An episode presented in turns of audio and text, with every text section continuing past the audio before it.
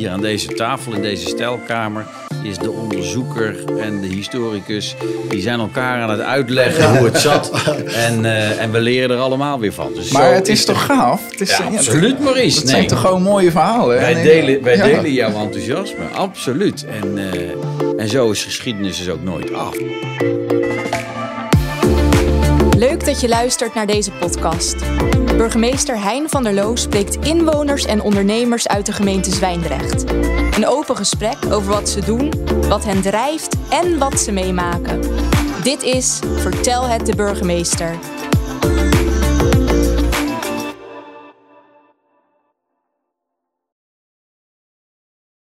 Voor deze podcast ben ik te gast bij de historische vereniging Zwijndrecht. In de Vergulde Zwaan, wel te verstaan, de stijlkamer van de Vergulde Zwaan. Een prachtige kamer hier aan de Rotterdamse weg. En aan tafel zitten Kees Popeyes, Jeroen Put en de huidige voorzitter van de vereniging Maurice de Jong. Heren, welkom. Dank u. Ja, dank u. Misschien dat jullie even iets willen vertellen over jezelf, Maurice, huidige voorzitter. Eh, Maurice de Jong, eh, 33 jaar. Eh, in het dagelijks leven doe ik heel veel. Eh, onder meer eh, werk ik in de musea in Dordrecht. Ik doe hier veel in Zwijndrecht met erfgoed op scholen. En daarnaast ben ik ook gewoon postbezorger. Dat is een, een breed pakket aan taken. Ja, ja. Maar echt een hart voor geschiedenis ook, Ja, hè? ja, absoluut. Ja, ik heb ook geschiedenis gestudeerd. Eh, ben zelfs afgestudeerd op, eh, op de middeleeuwen en dan vooral met Dordrecht en de omgeving eh, van Dordrecht. Ja. Dus dit, is, dit gebied heeft wel echt mijn, mijn passie altijd al geweest. Eigenlijk. Ja. ja. Mooi, welkom. ja, dankjewel. Jeroen Put. Jeroen, jij bent inkomend voorzitter, begreep ik, hè? Ja, dat is het idee inderdaad. Ik ben nu bestuurslid van de HVZ, Historische Vereniging Zwijndrecht. En het idee is dat bij de eerstvolgende ALV, de ledenvergadering, de leden dus kiezen. En dan hoop ik eh, mijn kandidaat te kunnen stellen, dat ze voor mij kiezen. Kijk aan. En je bent je nu aan het inwerken, aan het voorbereiden. Zo is het, ja. Ja, inlezen en eh, nou ja, in, de, in de lange geschiedenis van Zwijndrecht en ook in de best wel behoorlijke geschiedenis inmiddels van de HVZ. Dankjewel. En Kees Popeyes. Kees Popeyes, jij bent een van de oprichters van deze vereniging. medeoprichter van de historische vereniging, klopt. Alweer 40 jaar geleden, dus tijd gaat snel. En ehm, ja, sinds die tijd vrij nauw betrokken geweest bij de historische vereniging. Bestuursfuncties bekleed binnen de vereniging. Ehm, thans wat minder. En ik hou me nu druk bezig met het schrijven van boeken. En gepensioneerd inmiddels, dus werken bestaat nu uit het schrijven en onderzoeken om publicaties te maken. En Kees, wat is jouw laatste publicatie? Wat is je laatste boek? Mijn laatste boek, dat is eh, min of meer een pla platenprentjesboek. Met een situatie toen en een situatie nu. Waarin de mensen dus kunnen zien hoe of dat Zwijndrecht hard veranderd is. Wat dus, eh, laten we zeggen, 100 jaar geleden Zwijndrecht was. Met dezelfde locatie, nagenoeg dezelfde locatie wat Zwijndrecht nu is. Zwijndrecht toen en nu. Ja. Dat is toch een hebben dingetje voor iedereen in Zwijndrecht en omgeving. Nee, dat is prachtig. Al die plaatjes van toen en nu. En ik begrijp, Kees, dus, de vereniging aan zich is dus in zichzelf ook al een beetje geschiedenis. Hè? Namelijk 40 jaar eh, geschiedenis van de vereniging zelf. Dat klopt, ja. Dat is al gevierd. Dankjewel, Kees. Eh, en dankjewel voor die oprichting toen natuurlijk. Hè? Daar is het begonnen. Het was een plezier om te doen. En we beginnen eh, met het historisch feitje. Hoe toepasselijk bij deze historische vereniging. En dat gaat als volgt. Begin jaren 80 van de vorige eeuw wordt het museum op zolder opgericht. Het museum richt zich vooral op exposities, niet zozeer op het verstrekken van informatie. Al snel blijkt dat er wel veel vraag is naar de geschiedenis van Zwijndrecht. Zou er interesse zijn in het oprichten van een historische vereniging? Na twee bijeenkomsten blijkt dit het geval te zijn. Uit een kleine groep geïnteresseerden wordt een tijdelijk bestuur gevormd. Dit bestaat uit Jaap Bot, Ad de Ridder, Kees van der Leer, Annemarie Visser en Kees Popeyes. Zij gaan onderzoeken of er een historische vereniging kan worden opgericht. Op 15 juni 1982 is er een bijeenkomst in boerderij Het Hof. Daar zijn zo'n 30 geïnteresseerden en wordt de historische vereniging opgericht. Het eerste bestuur bestaat uit het vijftal dat eerder het tijdelijke bestuur vormde. Kees Popeyes krijgt als taak een periodiek op te richten. Dit tijdschrift krijgt de naam Zuindrecht, een verwijzing naar de oude naam van Zwijndrecht.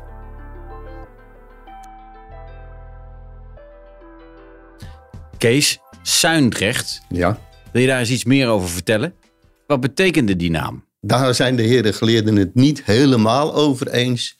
Ehm, men zegt dat het oud-Frankisch is en dat het dus uh, Drecht verwijst naar een oversteekplaats, een, een plaats in een riviertje. En dat zal dan dus de Zwin of de Zuin geweest moeten zijn. Of dat dat de afscheiding is destijds tussen Dort en Zwijndrecht, dat is nog niet helemaal zeker. Maar het, het woord Drecht verwijst naar een doorwaadbare plaats in een riviertje, een kreek. Dankjewel Kees. Dus dit was de eerste naam van het periodiek. Hoe heet het periodiek nu? Uh, Zwindrecht Weren. Zwindrecht Weren. En hoe is dat gekomen? Zwindrecht Weren is een samenwerkingsverband wat op een gegeven moment ontstaan is tussen de historische vereniging Zwijndrecht en het historisch genootschap Hendrikje de Wambacht. Heersdam heeft geen eigen uh, periodiek, heeft wel een eigen historisch genootschap ook. Maar omdat ze geen periodiek hadden, hebben zij gezegd van nou, gaan jullie maar verder. En uh, de Wambacht en Zwijndrecht zijn dus gewoon doorgegaan. En vraag me niet exact wanneer. Het zal ergens rond 2003, 2004 geweest zijn, denk ik, dat dat gebeurd is. Dat we dus dat samenwerkingsverband geïntensiveerd hebben. En dat er dus dat uh, Zwijndrecht weer uit de voorstelling is gekomen. Dus echt, uh, nou ja, uh, de optekening van geschiedenis op de Zwijndrechtse Waard eigenlijk daarmee. Hè? Het grootste ja. deel in ieder geval. Ja, ja dat, is, dat is dus ook de kerncollectie van de historische vereniging. Dat we dus zeggen van nou, Zwijndrecht ja, maar Zwijndrechtse Waard, dus Heerjansdam, Hendrike de Wambacht, stukje Rijzoord, hoort er ook bij. Dankjewel Kees. Graag gedaan. Maurice, jouw, uh, jouw afstuderen uh, had te maken hè, in de studie geschiedenis met de middeleeuwen. Is, daar iets bijzonders over te vertellen in deze regio? De middeleeuwen en ja. de rechtsteden, misschien wel Zwijndrecht zelfs? Ja, ja, ja. Uh, nou, eigenlijk sluit dat wel heel erg aan ook bij uh, die eerste benaming, hè, Zwijndrecht, zoals dat gezegd wordt.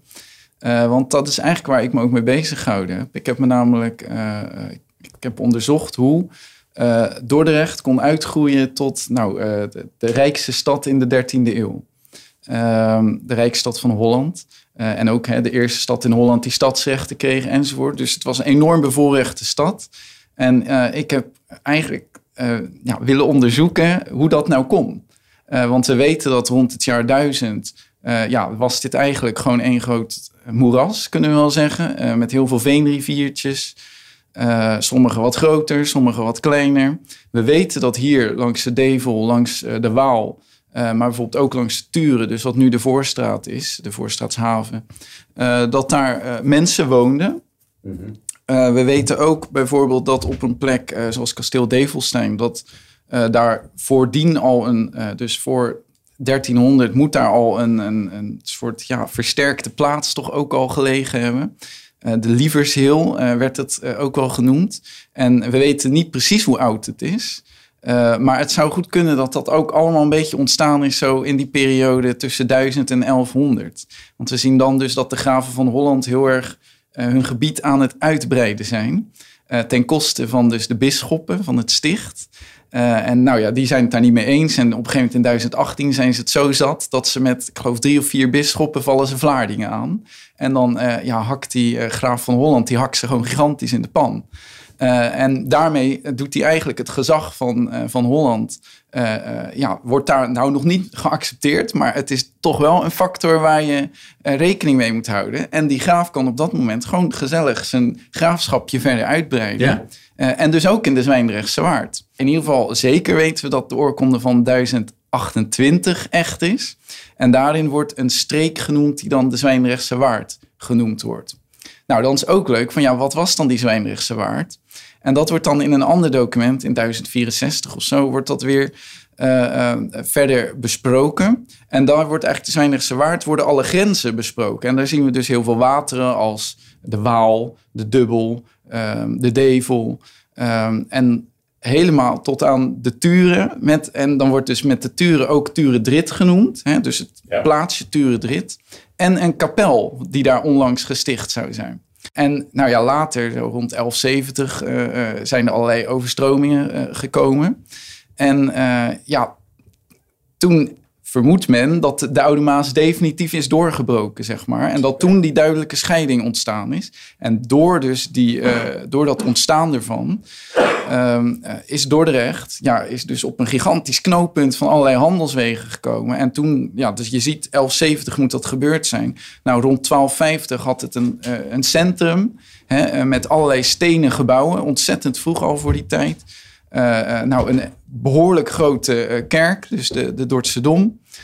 Dus, dus ja, die stad groeide eigenlijk binnen 40, 50 jaar na die ramp uit tot, tot, ja, tot een enorme stad. En die uitbreidingen die heb ik onderzocht, omdat dat natuurlijk ten koste ging van het land van bijvoorbeeld een edelman. Op het moment dat jij voortdurend je stadswal wilt opschuiven, dan zegt op een gegeven moment zo'n edelman, die zegt van ja, maar hallo, dat is mijn land, daar kan je niet zomaar uitbreiden. Nee. Nee, en dan ontstaan er conflicten. En, en dat heb ik dus, dus uitgezocht. Jongen, Ja. nou wat een verhaal. Ja, hartstikke Dus leuk. het begint allemaal met een ruzie tussen graven Ja. en bisschoppen. Ja. Nou, die moeten ook niet te veel vechten, vind ik. Vind? Nee, ja, maar ja, dat was toen anders. Eh, je omschrijft ook heel erg het belang van water. Hè? Ja. De verschillende wateren in dit gebied. Eh, en natuurlijk dan daarna ook weer eh, de strategische ligging aan dat water Ja. van, van, van Turendrit, hè? later Dordrecht. Ja. Met zijn stadsrecht, de oudste stad van Holland, waar eigenlijk deze hele regio wel bij gevaren heeft. Ja. Hè?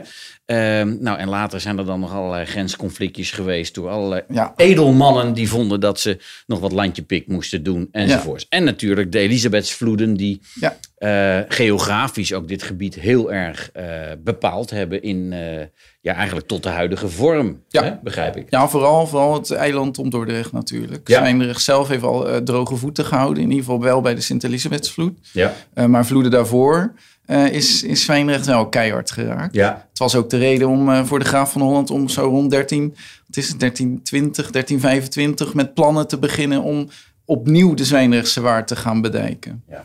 En ehm, eh, ja, die herbedijkingsplannen, ja, dat is natuurlijk, ja, denk ik, een heel ingenieus idee. Wat, wat we vandaag de dag nog steeds zien met crowdfunding en zo. Dus door edelmannen te zoeken met veel geld en hen een stukje gebied te beloven in ruil voor, nou ja, een stukje dijk, zeg maar, die zij dan moesten aanleggen. Eh, ja, volgens mij gebeurt dat vandaag de dag nog steeds. Hè? Ja, wat dat betreft zijn we in dit gebied, eh, Jeroen, toch een, eh, een, het, prototype van, ja, van waterbeheer hè? en van, van, Nederland eigenlijk. Van hoe houden we dat water buiten? Hoe, hoe, zorgen we dat die polders blijven bestaan en, eh, en de dijken voldoende zijn? Eh, daar ligt ook de oorsprong van onze waterschappen enzovoorts. Hè? En eh, hoe vind je het eigenlijk om daarin te wonen, Jeroen? Ja, een mooie vraag. Ja, ik, ehm, ik ben heel mijn leven woonachtig geweest in de Drechtsteden. Afwisselend in Zwijndrecht en Dordrecht. En ehm, nou, sinds 2018 woon ik hier weer in Zwijndrecht. In eigenlijk in het huis van mijn ouders. Dat heb ik vier jaar geleden gekocht. En daar als kind opgegroeid. Heel oud huis van 1908. En eh, zo raak je natuurlijk ook een beetje geïnteresseerd in de geschiedenis van Zwijndrecht. Tenminste, zo ben ik geïnteresseerd geraakt. En ben ik ook uiteindelijk als lid en vervolgens als vrijwilliger bij de HVZ terechtgekomen. Nou, ik hou daarvan, van de, van de geschiedenis. Maar niet als eh, een deskundige zoals eh, Maurice of als Kees, als onderzoeker en als schrijver. Maar gewoon als liefhebber. Dus Ja. ik, heb, ik heb echt wel een andere pet op. Zou ik maar zeggen. Mhm. Maar ik hou er wel van, van de geschiedenis. En ehm, ja, ik vind die waterrijke omgeving ook fantastisch. Ja. Ik, eh, bedoel, we hebben hier mooie natuur in de omgeving. We hebben de Biesbos. We hebben Heersdam natuurlijk. We hebben onze groene omgeving. Ja, het is gewoon een fantastisch gebied om te wonen. Dus, En droge voeten in jouw oude huis? Ehm, nou ja, in ieder geval in de periode dat ik daar eh, gewoond heb, eh, zeker wel. Eh, en het is ook een hoog huis, dus je kan altijd nog een etage omhoog. Hè? Dus dat, dat is mijn toevluchtsoord, eh, wat dat betreft. Maar ja, ik weet wel, we hebben ook een kelder. En die is natuurlijk vaak ondergelopen. Dus dat zal, en dat zal in 1953 vast ook in de straat gebeurd zijn. Op dit moment, hè, op dit moment als we deze podcast opnemen, zijn ze in de Rotterdamse weg bezig met allerlei aanpassingen. Zodat als bij hevige regen, regenbuien het water niet afgevoerd kan worden, dat het toch afgevoerd gaat worden. Dus dat soort maatregelen moeten we juist vandaag weer opnieuw nemen. Omdat die, eh, ja goed, we, zijn ook, eh, we hebben ook klimaatverandering. En dan moeten we daar natuurlijk ook ons weer op eh, aanpassen. Zo is het. Dus eh, natte voet, eh, ja, ik, ik, ik heb er nog weinig last van gehad. Maar we moeten wel alert blijven. Gelukkig, gelukkig. Nou, er zijn mensen die in Zwijndrecht daar dus wel last van hebben gehad. Ook niet al te lang geleden, hè, met, eh, met enorme hoosbuien. Zijn er plekjes in Zwijndrecht die dan zodanig laag liggen... ehm, dat mensen er echt last van hebben. Hè. En we hebben ook last van de bodem die hier blijft zakken. Eh, nou, en het water, zeespiegel, die stijgt. Dus eh, nou ja, die opdracht van toen, dat prototype... hoe houden we het water buiten hè, in die Zwijndrechtse waard... eh, die opdracht die is nog heel actueel. Hè. In, dat, in dat gebied leven wij dus met elkaar. eh, Kees, hè? Ja, dat klopt. Nee, wateroverlast dat is eigenlijk van, van alle dag. Alleen met de dijkverhoging is het een stuk minder geworden. Maar voor die tijd, nou, als je de oud-bewoners van de Ringdijk neemt... ja, die wisten al, oh, het wordt hoog water. En als je dan buiten dijks woonde, dan wist je... nou, zet de tafels en de stoelen maar weer omhoog, want we krijgen weer problemen. Ook nu nog trouwens, want als je nu nog buiten dijks woont... eh, dan woon je er op eh, eigen risico. En daar eh, staat af en toe nog wel eens het een en ander blank. Ook, Ja, ja. ook Ja. rondom de huizen met balkengat. Ja, Dat, zeker. eh, daar zijn ook, dat is ook wel bekend dat je dus met hoog water opeens een hoop water in je tuin hebt. Er schieten mij allerlei vragen te binnen, Kees. Ik hang aan je lippen. Maar eh, toch even dat balkengat. Hoezo heet dat het balkengat? Het balkengat dat is gegra- gegraven eh, door de familie Visser. De Visser was een houthandel. En het was te doen gebruikelijk dat dus eh, het hout aangevoerd werd in balken. En dat ze dat dus in het water konden laten liggen, die balken. Zodat het dus eh, flink doordrongen was van water. Zodat een beetje de werking eruit was. En ze hadden in eerste instantie hadden ze dus verderop georiënteerd naar de Ringdijk toe. Meer naar, eh, naar de spoorbrug toe. Hadden ze dus een beperkt klein balkengat. Nou, op een gegeven moment hebben ze dus eh, de huidige plaats gekozen. Hebben ze ook gegraven. Het was niet een bestaand gat. Ze hebben dat dus echt als balkengat gegraven, uitgegraven. En daar, eh, zijn, ook daar zijn foto's van bekend dat je dus inderdaad gewoon hele stammen naast elkaar ziet liggen. En daar werd ook wel op gespeeld. Zij het dan dat het gevaarlijk was en dat het niet mocht. Nee. Want ja, als je eraf glijdt en je komt tussen die balken, dan moet je maar afwachten wat er gebeurt. Maar ja, vertel eens tegen kinderen dat iets niet mag. Nee, nee, nee, precies. En Kees, tot, tot wanneer hebben daar die balken gelegen? Welke tijd hebben we het dan over? Het balkengat, dat zal. eh, het huidige balkengat is er nog steeds. Maar het gebruik, het gebruik van het balkengat. Ja, dan zit je ergens in de jaren 70. Dan zie je dus dat eh, met de dijkverhoging, dijkverzwaring, hoe je hem wil vernoemen. Dat dus ook Visser eh, stopt met zijn activiteiten daar. En dat dus dat helemaal verloren gaat. Je ziet ook de industrie dan verdwijnen langs de buitenkant van de dijk. Want het is natuurlijk niet alleen Visser die daar zat. Maar je had natuurlijk ook bijvoorbeeld de Eurisa. Ja. Of, of, of ietsje verderop van Drimmelen, de houthandel. En eh Kooiman, de scheepswerf. Zeker. Om een paar bedrijven te noemen. Die, die hadden allemaal buitendijks daar hun activiteiten. En dat is in de loop van die tijd is dat eigenlijk allemaal verplaatst. Sommige zijn gestopt. Andere zijn doorgegaan op andere industrieterreinen. Ook hier in Zwijndrecht. Ja. En vele zijn richting de Linsendijk hè? De vele eh, zijn opgeschoven. Ja, klopt. Ja. Klopt. Je ziet dus bij de Linsendijk zie je dus dat er ook havens gegraven worden door de gemeente. Ja. En dat men zich de- daar dus weer aan vestigt. Want men vond het toch wel belangrijk dat er ook toevoer zou zijn via het water. Ja. Wie van jullie, want dat was een volgende vraag die eh, bij mij binnenkwam, dat heeft dan met dat Veerplein te maken. Dat is toch wel een heel belangrijk stukje Zwijndrecht. Hè? Daar is veel activiteit geweest in de geschiedenis. Het is natuurlijk ook het, het start- en het eindpunt geweest van de overtocht naar Dordrecht. Hè? Van, van, van noord naar zuid in ons land ook.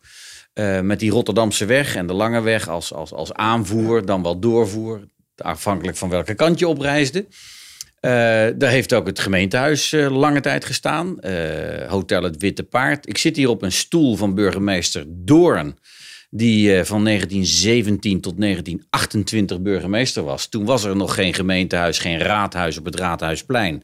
Maar het stond daar op het Veerplein. Wie van jullie kan over dat bijzondere Veerplein nog, nog iets leuks vertellen? Eh, nou ja, het is van oudsher is het het centrum van, eh, van, van, van Zwijndrecht. En eh, ja, dat is eigenlijk denk ik nu... Hè, mensen zeggen vaak Zwijndrecht heeft geen centrum. Maar als er dan een, zijn, eh, een centrum is, dan is het, is het het Veerplein. En dat is het sinds, eh, ja, sinds de 14e eeuw eigenlijk. Dit is een van die ambachtsheren die zo'n stukje dijk kreeg. Of tenminste zo'n stukje dijk in land voor, of in ruil voor land kreeg. Die, eh, ja, die kreeg dus het kleinste stukje land, maar die had dat heel precies allemaal uitgekiend. Die denkt, hé, hey, ik lig hier zo eh, strategisch tegenover Dordrecht. Ja. Dit kan wel eens een gouden greep zijn, eh, dit stukje. Dus, ja, dus het eerste wat het idee was, hè, een kerkje bouwen, een eigen boerderij bouwen. En hij ging zich nadrukkelijk met het veer bemoeien. En nou ja, je ziet het, het, het groeide uit eigenlijk tot... terwijl Zwijndrecht zelf helemaal niet zo, tot in de 16e eeuw was Zwijndrecht, nou 17e eeuw zelfs al helemaal niet zo. En Heer Jansdam was bijvoorbeeld, en Hendrik Ido Ambacht, dat waren veel eh, eh, eh, nou, dorpjes die veel groter waren. Ja. Dus Zwijndrecht was eigenlijk het derde dorp. Het derde dorp op de Zwijndrechtse ja, in de Waard. Zwijndrechtse Waard, ja. Ja. En dat is eh, veranderd, ja, vanaf 1850 denk ik, zoiets. Ja, iets ervoor misschien. Ja, dus op Ja. het moment dat allerlei industrie deze kant op komt, hè, dat begint dan bij zo'n zo'n eh, glasfabriek, dan zit je rond 1830 geloof ik. Ja. Maar dat is dus een aanjager geweest bijvoorbeeld van, eh, hè, daardoor kwamen er ook heel veel migranten uit de zuidelijke Nederlanden. Eh, die kwamen dus uit deze kant op, want dat waren vooral de glasblazers. Ja. Ja, nou en dat volgde al snel. Er kwamen molens langs de, de, de- of in de uiterwaarden. Nou, die molens ging men gebruiken voor ehm, eh, bijvoorbeeld eh, om eh, stenen te malen, om eh, hè, rijstkorrels te pellen, dat soort dingen. Ja. En zo ontstonden er eigenlijk, eh, dus die grote bedrijven, zo'n Eurisa, eh, die ontstond dus eigenlijk heel klein met, met een één molen bijvoorbeeld. Ja. En, en ja, dat is door de jaren heen gigantisch eh, gegroeid. Een forse rijspellerij geworden. Ja, ja, ja. En zo eh, zijn er nog veel meer. En op een gegeven moment gaat de gemeente zich er natuurlijk mee bemoeien.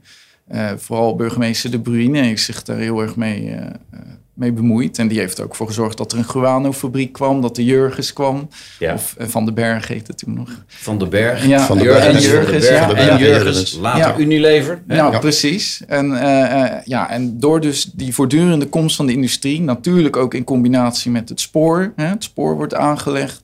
Er komt ook een verbinding over de Oude Maas. Eh, ja, en daar, ja, daar groeit Zwijndrecht gewoon heel erg van. Hè, met in de uiterwaarden vooral industrie. En in het binnenland van oudsher de tuinderij. Tuinderijen. Ja. Echt het land in. Ja. hè?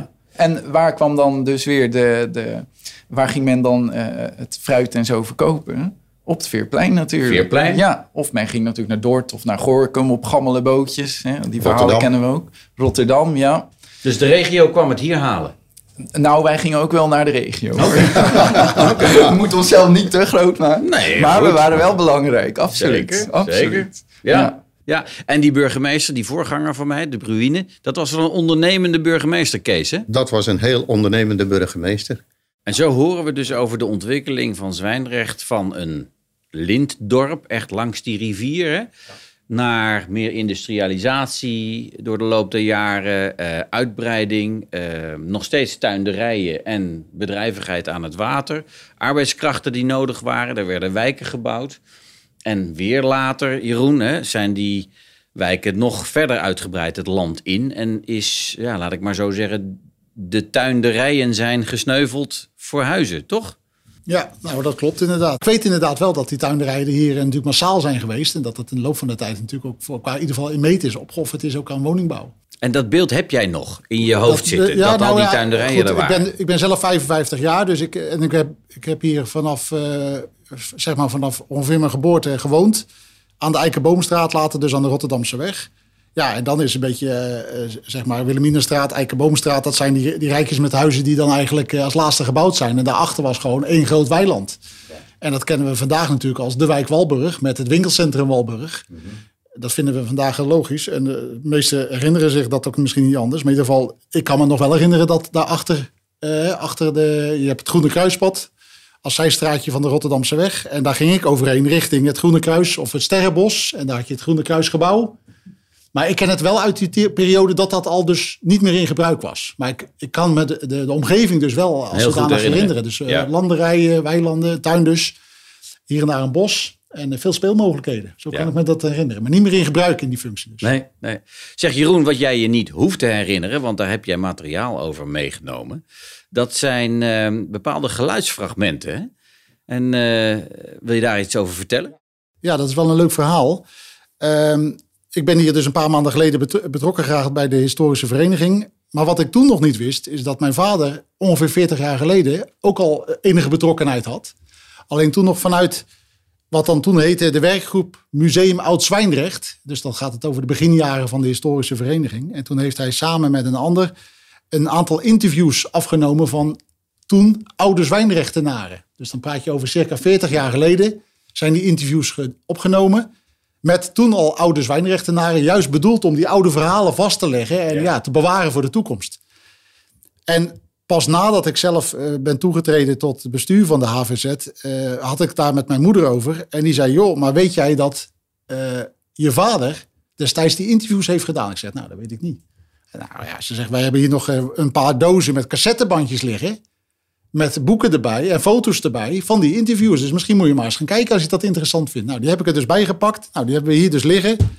Een eh, doos met cassettebandjes. En ik heb, ik heb het nog lang niet allemaal beluisterd. Maar het zijn dus twaalf interviews met eh, twaalf eh, oude, oude zwijnrechtenaren. Circa 40 jaar geleden. Met allerlei verschillende verhalen over, ja, over vroeger. Over dat ze tuinder waren. Over die families die toen belangrijk waren. Over de relatie met de gemeente. Over de ontwikkeling van de woningbouw. Over de binnenvaart die zich ontwikkelde. Nou, enzovoort, enzovoort. Nou, ik heb daar pas eh, stukjes van beluisterd. Maar ik heb in ieder geval één verhaal ook gehoord. wat ik heel interessant vind om dan even te laten horen. Want dat is voor mij persoonlijk ook wel een trigger. waarom ik geïnteresseerd ben in de historie van Zwijndrecht. Nou, we zijn heel benieuwd, denk ik. Het is dus een interview met meneer Van Lenten. En meneer Van Lenten heeft aan de Develweg gewoond in Zwijndrecht. Hè, dus zeg maar in de omgeving van wat- nu eh, de, eh, Develstein College is. En Develpark. En die vertelt daar over de oorlogstijd. En daar daar laten we een klein stukje van horen. Nou, even, dat vind ik heel interessant wat u vertelt. Even terug naar dat verhaal. Eh, u woonde daar als kind, als jongetje van misschien een jaar of twaalf... in een huis wat iets bijzonders had, namelijk gangen onder de grond. Hoe, ben je daar nou achter gekomen? Dan, dan zeg ik, wij hadden twee onderdankers in de oorlog en die moesten we verstoppen. En toen zijn we ons zoeken gegaan. En toen in de woonkamer hebben wij een hol geluid gehoord. En toen hebben wij de vloer opengebroken. En toen bleek er inderdaad onder de vloer, aan de voorzijde bij het raam, bleek er een kelder te zitten. Die hebben wij opengebroken. En toen gaan we verder gaan kijken en er liep een klein trapje. Die kelder was nog minstens 4 meter diep. En toen zijn wij verder gaan zoeken, want we moesten die onderdankers een goede bieden om niet eh, opgehaald te worden. En toen stelden wij in die kelder op een grote ijzeren deur. En die hebben wij opengebroken. En daar troffen wij een paar uh, afbeeldingen op die uh, gewelven aan. En er zaten onder andere beeldjes met kruisridders. Of tegeltjes met kruisridders erop en zo. Maar door de hoge waterstand konden wij niet verder onder alle meter of vier, vijf in die elven. En zodoende zijn wij uh, niet verder meer gegaan. Dat uh, moeten gangen geweest zijn die waarschijnlijk naar het kasteel Develstein hebben gelopen, denkt u? En, uh, volgens uh, vertellen van de omwoners en van hele oude zwijnrechters moesten inderdaad uh, in verbinding gestaan hebben met een kasteeltje in Develstein. Jeroen, wat een verhaal. En wat een materiaal, deze cassettebanden. Ja. Hè? Ja, dat is bijzonder hè. Ja, ik vond het zelf ook mooi om te, om te horen. Ja, en dankzij jouw moeder weten we dat jouw vader zoveel jaar geleden dit materiaal dus heeft samengesteld. Ja, 40 jaar geleden inderdaad, uh, ja, samen met de anderen natuurlijk, uh, die, die interviews heeft uh, afge, afgenomen. Ja. Bij die oude zwijnrechtenaren. Nou, die ledenvergadering van straks. Hè, er komt hier een inkomend voorzitter en die brengt even fantastisch bronnenmateriaal mee. Dat kan toch niet misgaan, Kees? Nee, ik denk het niet. Nee, ik bedoel, dat is aan de leden om dat te beoordelen. Dat is ook aan de leden, tuurlijk. Maar het is, het is fantastisch bronnenmateriaal. Dat klopt. En het zijn interviews uh, die afgenomen zijn uh, voor de werkgroep Museum Oud-Zwijndrecht, wat later dus Museum op Zolder is geworden. Uh, interviewster is Henny van Rijn. Ja, dat is de... Die, die neemt de interviews af. Eh, je vader die was fotograaf en die heeft eh, fotografisch het een en ander vastgelegd. Ja, nee, maar zo zie je maar. Dat, dat met elkaar proberen we dan die geschiedenis een beetje compleet te krijgen. En die, die mooie verhalen boven tafel te krijgen. Ja, en ik, ben, ik word alleen maar meer nieuwsgierig van wat zit hier nou achter. Ja. En kunnen we misschien nog een keer, hè, in samenwerking met de gemeente Zwijndrecht natuurlijk. Zeker als de burgemeester daar natuurlijk ook enthousiast over wordt. Kunnen we die, die gangen, die onderaardse gangen nog eens een keer terugvinden. Want dat ga ik dan natuurlijk wel eh, willen weten. Nou, dat vind ik een ontzettend spannend Ja, verhaal. ja. En eh, ik, ik ben heel weten erg we niet, maar- geïnteresseerd. Dus eh, Nou, ik, ik, ik, als ik me ermee mag bemoeien. tuurlijk. Maurice, Maurice die zou het misschien ook wel kunnen beamen. Er zijn twee verhalen over eh, onderaardse gangen. Dit, deze zou dan lopen naar Develstein. Eh, een soortgelijk verhaal doet dus ook de ronde dat het loopt naar het klooster Eemstein. Alleen als je dus kijkt waar of dat de woning stond, dan lijkt het me vrij moeilijk. Want eh, de woning, als je dus de Lintse kerk hebt en je staat ervoor, dan had je aan de rechterkant had je de school en daarnaast stond die woning. Dus als je naar Develstein wil, dan moet je dus ofwel eerst een end de Develweg ingaan en dan naar Develstein. En anders ga je dus langs de school, langs de kerk en langs de pastorie.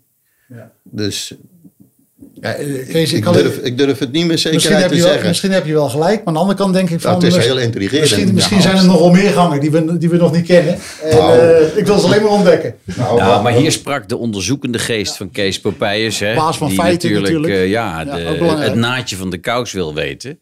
En nieuwsgierig is. Maar toch eventjes, eh, we hebben dus kasteel Develstein gehad. Ja. Hè, en we weten ook waar dat stond bij het huidige Develstein College. Hè. Daar is nu een, ook een, een plek gemarkeerd. Eh, en we hebben het klooster gehad. Klooster Eemstein. En eh, eh, is dat de reden dat daar de steeg de Munnikensteeg heet? Klopt. Ja. Het is particulier gebied. Er, er staat nu een manege. Ja, ja prachtige Het is, het boerderij is die boerderij. Want Dat is dus de oude boerderij. En links daarvan zou het klooster gestaan hebben. Nou, dan zijn we terug, een heleboel eeuwen terug in de tijd die Maurice daar straks omschreef. Eh, Maurice, ehm, jij hebt ook een verhaal meegenomen naar deze, deze podcast. Wil je dat met ons delen? Ja, ja. Eh, nou ja, jullie hebben al gehoord dat ik op zich wel dus een, een passie heb voor geschiedenis. Eh, en eigenlijk kan ik ook wel zeggen dat dat er al, al heel vroeg in zat. Vroeger, hè, ik ben zeg maar in de punt echt van Walburg opgegroeid. Ook is leuk dat Jeroen zei net eh, in zijn tijd, en hij is dan 20 jaar ouder dan ik, dat hij dan uitkeek en dat hij dan, eh, wat, nu, wat later Walburg zou worden, de wijk Walburg, en dat dat toen nog eh, grasland was. Zo was het bij mij eigenlijk ook nog in mijn jeugd. Want ik keek uit op de landerijen in Ambacht. Maar ook het Noordpark heeft zo'n zo'n mooie geschiedenis. Want wij gingen daar bijvoorbeeld hutten bouwen. En ehm, op een gegeven moment zijn wij dus ook gewoon een soort van stenen vloer tegengekomen. Want ja, je, hut moest er natuurlijk netjes uitzien. Eh, dus ja, dan ging je alle takjes wegschuiven en alle blaadjes moesten weg. En toen kwamen we echt dus op een stenen ondergrond, een half ingegraven. En eh, ja, wij wisten natuurlijk niet wat het was. Eh, maar later ben ik daar toch wel eens even van, ja, wat zou dat dan kunnen zijn? En toen las ik dus in het boek, toevallig een boek van, eh, van Kees Popeyes, eh over de Tweede Wereldoorlog. Dat dus in de Tweede Wereldoorlog het Noordpark eh, door de Duitsers ja, bezet was. Of toegeëigend was. En ja, zij hadden daar allerlei opslagloodsen voor munitie, onder meer bunkers lagen er. Dus het zou mij niks verbazen als wij dus gewoon op de restanten van zo'n zo'n opslagloods onze hut aan het bouwen waren. En ook verderop vonden we allerlei betonnen constructies. En dan zit ik meer richting wat wij het, eh, het Hekseneiland eh, noemden. Dat is nog voorbij de Galgenplaat. Ook, ook weer een hele interessante naam natuurlijk, de Galgenplaat. Maar het Hekseneiland, eh, dat is eigenlijk waar de padvinders zitten. En daar kun je alleen komen op het moment dat het app is. En dat maakt het natuurlijk extra spannend. Want hè, je, je ging erheen met laag water. En om de 10 minuten was het, oh, zou het water al hoog staan? En eh, nou ja, daar liepen we dan rond. En er stonden daar allerlei aandenkers ook aan, dus die scheepsloperijen. Zelfs nog delen van een brug richting de eh Sophiapolder. Eh, bootjes half ingegraven. Ja, het, was, het waren natuurlijk allemaal scheepsloperijen, dus dat ligt allemaal verzonken daar in de, in de grond. En, maar dus ook dus allerlei betonnen constructies.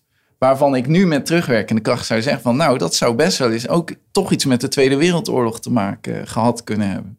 En dat is dus het mooie, want zo'n Noordpark eh, hè, en de Galgenplaat en het Hekseiland, dat zijn dus gewoon voor mensen gewoon eh, gebieden waar ze de hond uitlaten. Maar eigenlijk zit daar dus gewoon een fantastische geschiedenis al achter. Zo, en jij kwam daar als jongetje al en je hebt het nu over Hekseneiland, Galgenplaat. Ja, Eh, nou ja, de Sophiapolder wat meer naar links richting Hendrik Ido Ambacht. En we hebben het al natuurlijk gehad over het Balkengat. Prachtige woorden allemaal die ook wel omschrijven wat het eh, geweest is. Hoewel Kees Popeyes nog nooit van het Hekseneiland had gehoord. Nee, dat was voor mij nieuw. Ik weet wel precies wat hij bedoelt. Want het was een een soort kreekje tussen de galgenplaat en dat eilandje. En daar kon je dus inderdaad alleen maar met laag water. En dan zaten de zevenkennis, die zaten er. En de zevenkennis die hebben nog steeds dat eilandje. Want er is nu nog een soort verbinding tussen Hendrikje de Wambacht en dat eilandje. Daar zitten ze nog steeds. Dus, maar dat het Hekseneiland genoemd werd, dat, eh, dat wist ik niet. Maar het eilandje als zodanig is mij wel bekend. En eh, ter aanvulling op Maurice, hij heeft het dus over die betonnen stukken die hij zag. Eh, de betonnen stukken die hij zag, dat waren de restanten van de bunkers die gesloopt zijn. En die ze dus verplaatst hebben iets verder naar de Galgenplaat toe. Als je dus momenteel daar gaat lopen, dan zal je dus zien dat er een, vrij grote plas is. Die omgeven is met een kade.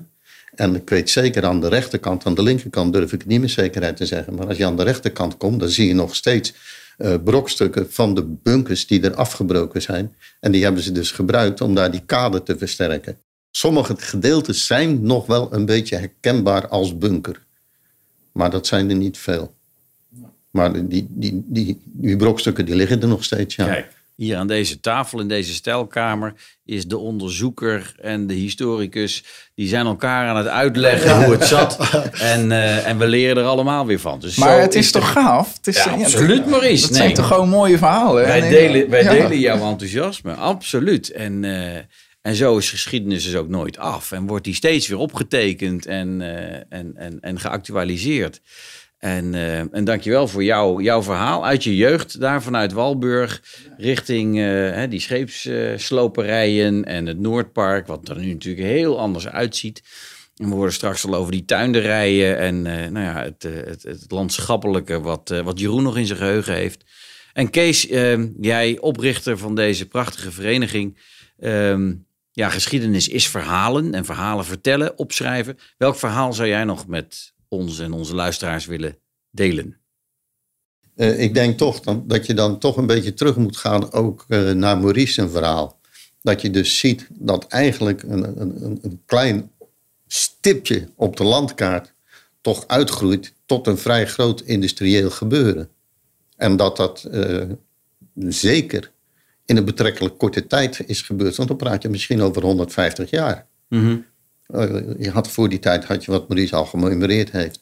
Eh, de tuin dus, natuurlijk. Je had de glashut. eh, je had de zoutketen. Dus er was wel industrie. Maar dat was niet zo groot. En dan zie je dus ergens met de industrialisatie, 1850 daaromtrent, zie je dat het wat meer intensief wordt.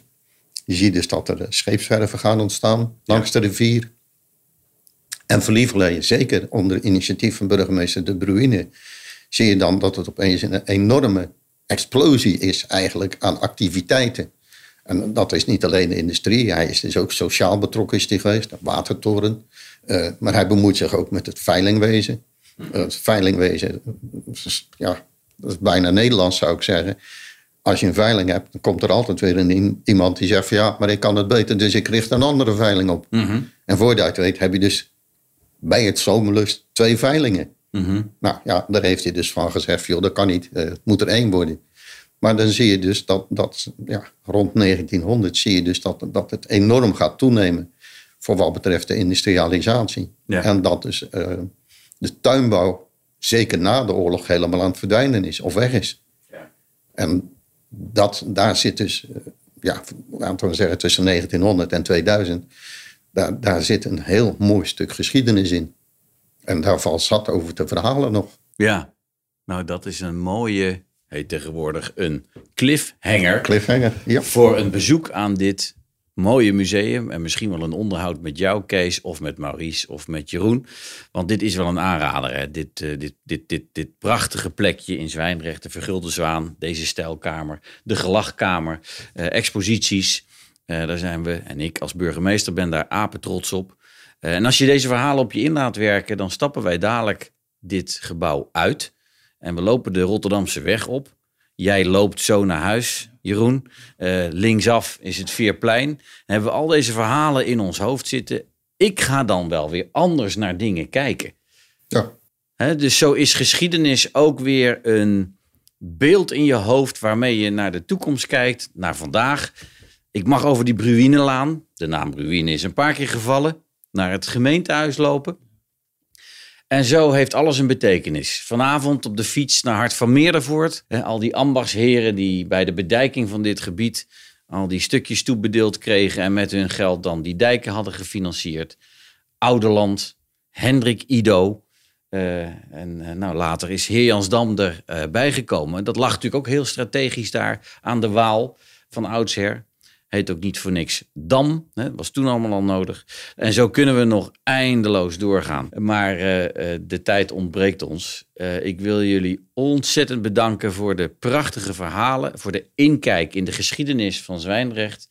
En wat mij betreft smaakt die naar meer. Graag gedaan. Dank jullie wel. Bedankt voor het luisteren naar deze podcast van burgemeester Hein van der Loo. Vergeet je niet te abonneren, zodat je automatisch op de hoogte blijft van nieuwe afleveringen. Heb je tips, ideeën, opmerkingen of vragen? Laat het ons weten en mail ze naar communicatie.zwijndrecht.nl. Tot de volgende keer.